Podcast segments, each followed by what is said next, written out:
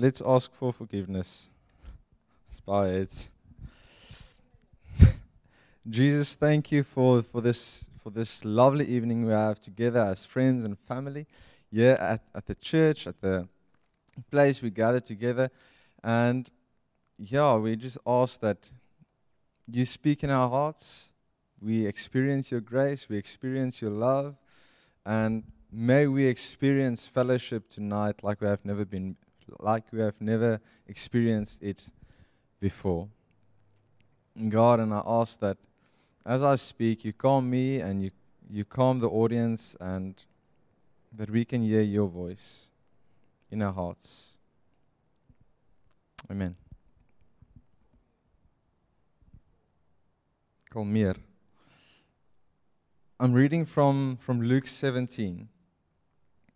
It happened that as he made his way toward Jerusalem, he crossed over the border between Samaria and Galilee. As he entered a village, ten men, all lepers, met him. They kept their distance, but raised their voices, calling out, Jesus, Master, have mercy on us. Taking a good look at them, he said, Go and show yourselves to the priests. They went, and while still on their way, became clean. One of them, when he realized that he was healed, turned around and came back shouting his gratitude, glorifying God. He kneeled at Jesus' feet, so grateful. He couldn't thank him enough. And he was a Samaritan. And Jesus said, Were not ten healed? Where are the nine? Can none be found to come back and give glory to God except this outsider? Then he said to him, Get up on your way. Your faith has healed and saved you. Now, for those of you who are not aware, but the Jews and the Samaritans were everything but friends.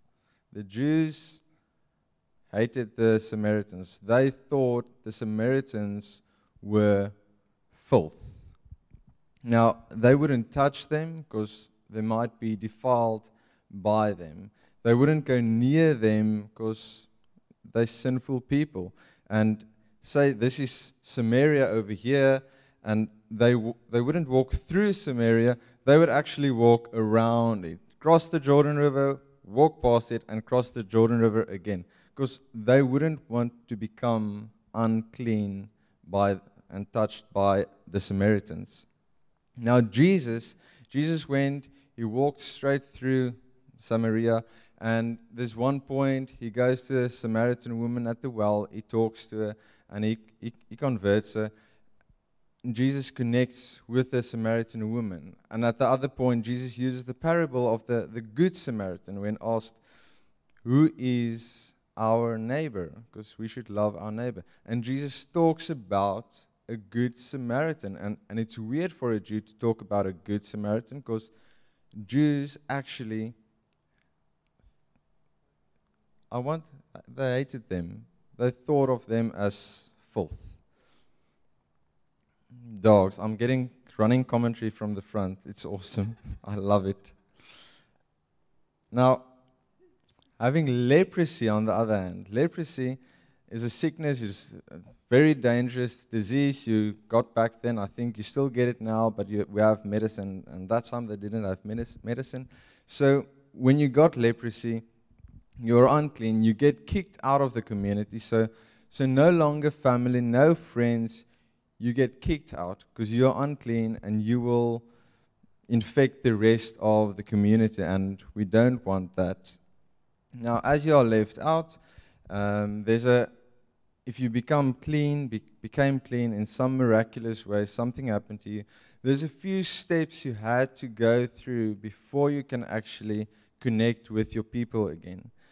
It's like there's I think yeah, there's eight steps you have to go through. You have to go to the priest, then there's the steps, and then you are clean. So it's written up in Leviticus 14.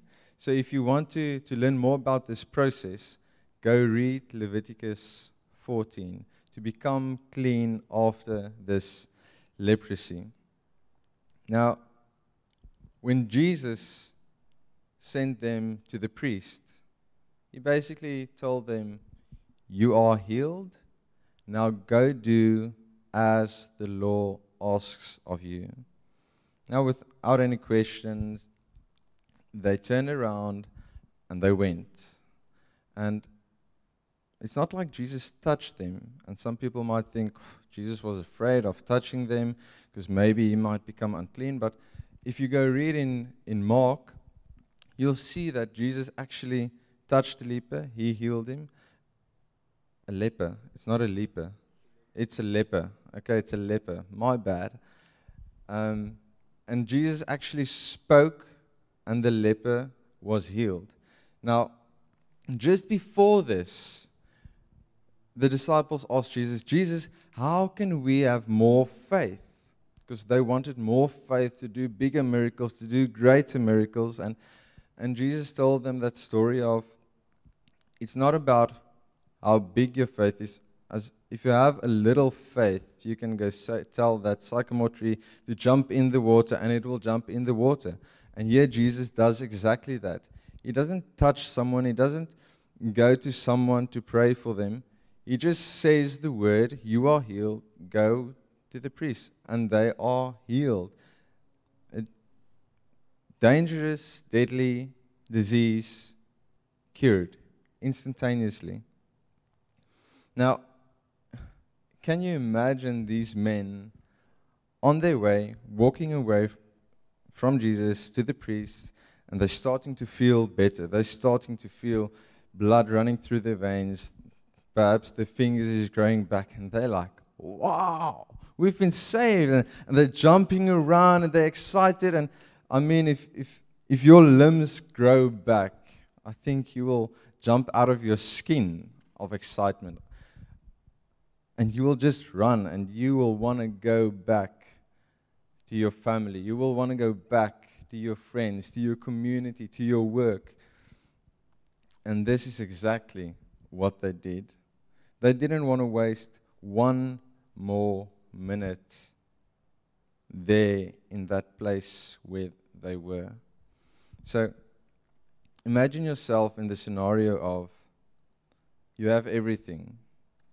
You've got the world going for you. You have a good job. You have a good family. You have a good circle of friends, a community of people. And one day comes a lightning bolt, almost like Job's story, and you lose your job. You did something wrong at the workplace, something happened, you lose your job. With that, you lose your friends at your workplace. So you can no longer hang out with those people anymore because they don't want to be near you. And after that, you go on, you pay your debts, you lose all your money because you don't have a job anymore, you don't have money. So your wealth deteriorates and you go downwards, downwards, downwards. And not long after, you realize and you find yourself in a room with 15 other men, which is your new sleeping place, in a shelter. So you've gone from here to here. And this is your new place, your new home. And everyone in that room shares a story that brought them to that place, to that shelter, to where you are. The stories differ, but all of you are in the same place. And you are no better than the guy next to you and He's no better than you. We eat together, we laugh together, and we experience life together. Now, miraculously, after a few months, you get a job offer. Someone calls you, got your number from somewhere, and it's in the line of what you di- usually did and you're like, wow, this is a once in a lifetime opportunity. So you grab it with both hands and you go and you do your job and you do it good and it's blood running through your veins again and you just you're just going and, and you love this rush hour fact again. You, you love it that you can work and you, you own your own money. You have your f- circle of friends again. You can go play golf and you can have a good time. You have money again. You have wealth. You have health and you have pretty much everything that you want. Now, back to the story of Luke. It was the low life, the scum, the Samaritan that decided, I'm going back to Jesus because I want to thank him for what he has done for me. Because I know this, what happened here, was a miracle. This healing that took place was a miracle. And I know who is responsible for this. It's not me, it's not, not somebody else. Jesus is the one responsible for my healing. So, so I'm going back. I'm going to thank Jesus for that miracle. Now, unlike the rest, the Samaritan goes back. He takes time to go back to Jesus and thank him. Now, it wasn't required for, for Samaritans to actually go to a priest and get, get, get cleansed go to all that phases. Remember, Jews looked down on Samaritans anyway. So they were filthy in their eyes anyway. So why would the Samaritans start now by this process? Rather, he goes back to the one who he knows healed him, healed him and thanks him. And now the question if nine men were Jews, what were they doing hanging out with a Samaritan? Because they didn't mingle. Right? The Jews hated Samaritans, and Samaritans were low lives, they were scum, they didn't touch them. But what happened here is the Jews and the Samaritans, those 10 guys, they were in the same boats they all had the same disease called leprosy. So if you had leprosy, you were thrown out of your camp. You were thrown away from your family, your friends, into another place, away from the community. And together, those who had leprosy, they were together somewhere. So no more I am better than you, no more you are better than I am. We are all together in that community. It doesn't matter what race you are, what gender you are, what, what religion you are. In that camp, with their leprosy, they were under the same roof. Now,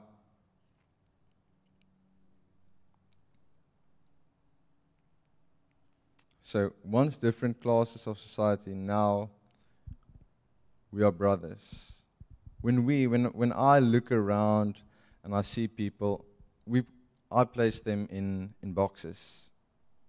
Different race, different wealth class, diff- different health class, um, different age class, and I categorize and, and I choose with which boxes I actually want to interact because you know sometimes I think I'm too good for you.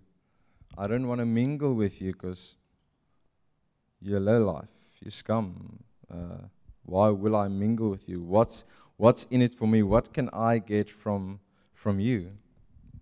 And strange, in Paul says it in Galatians 3, verse 28.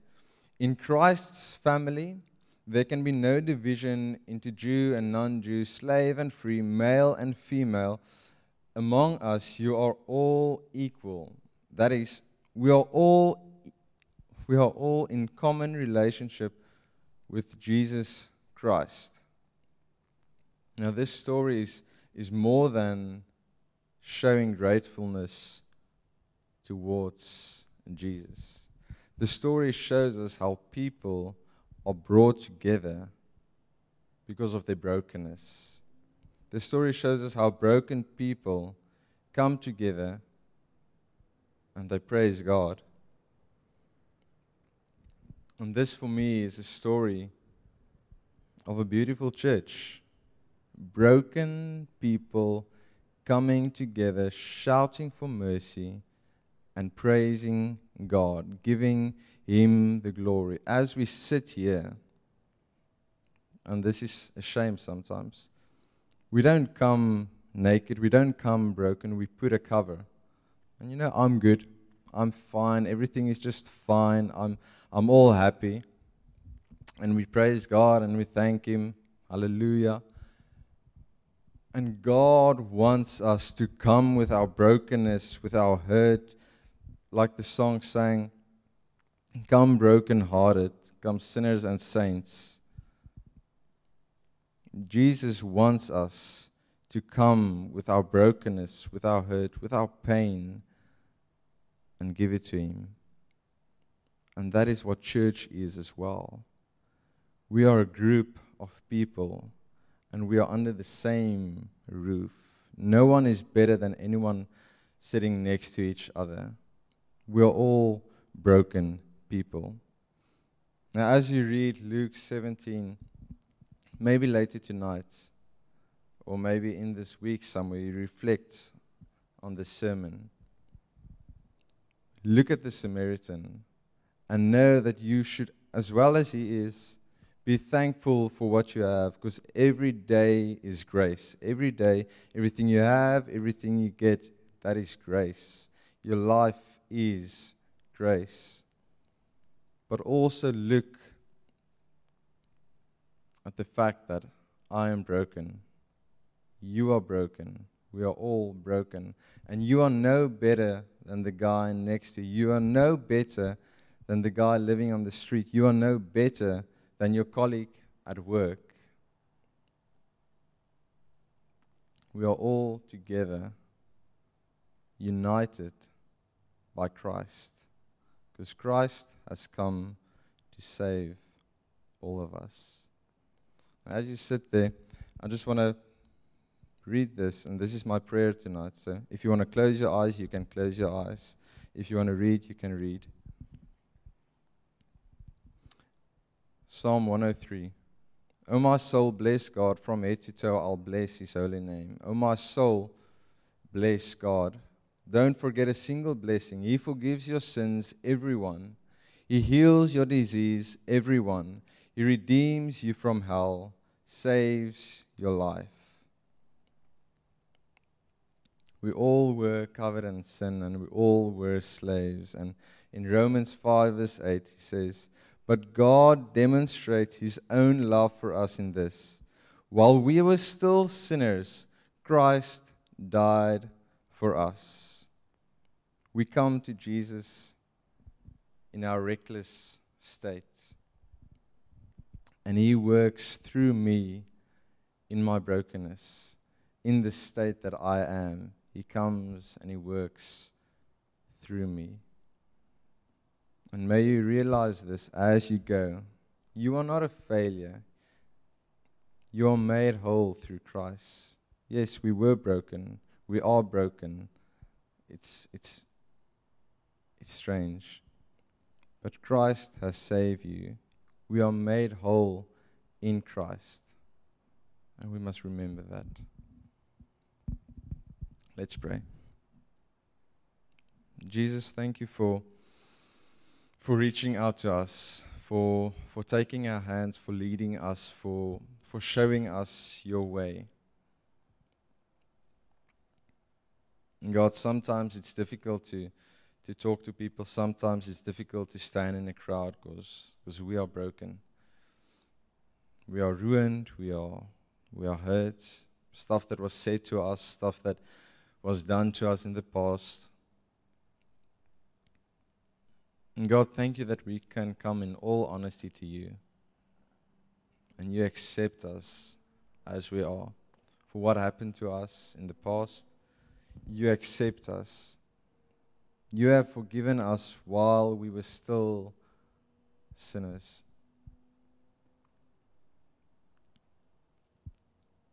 Thank you for calling us your sons and your daughters.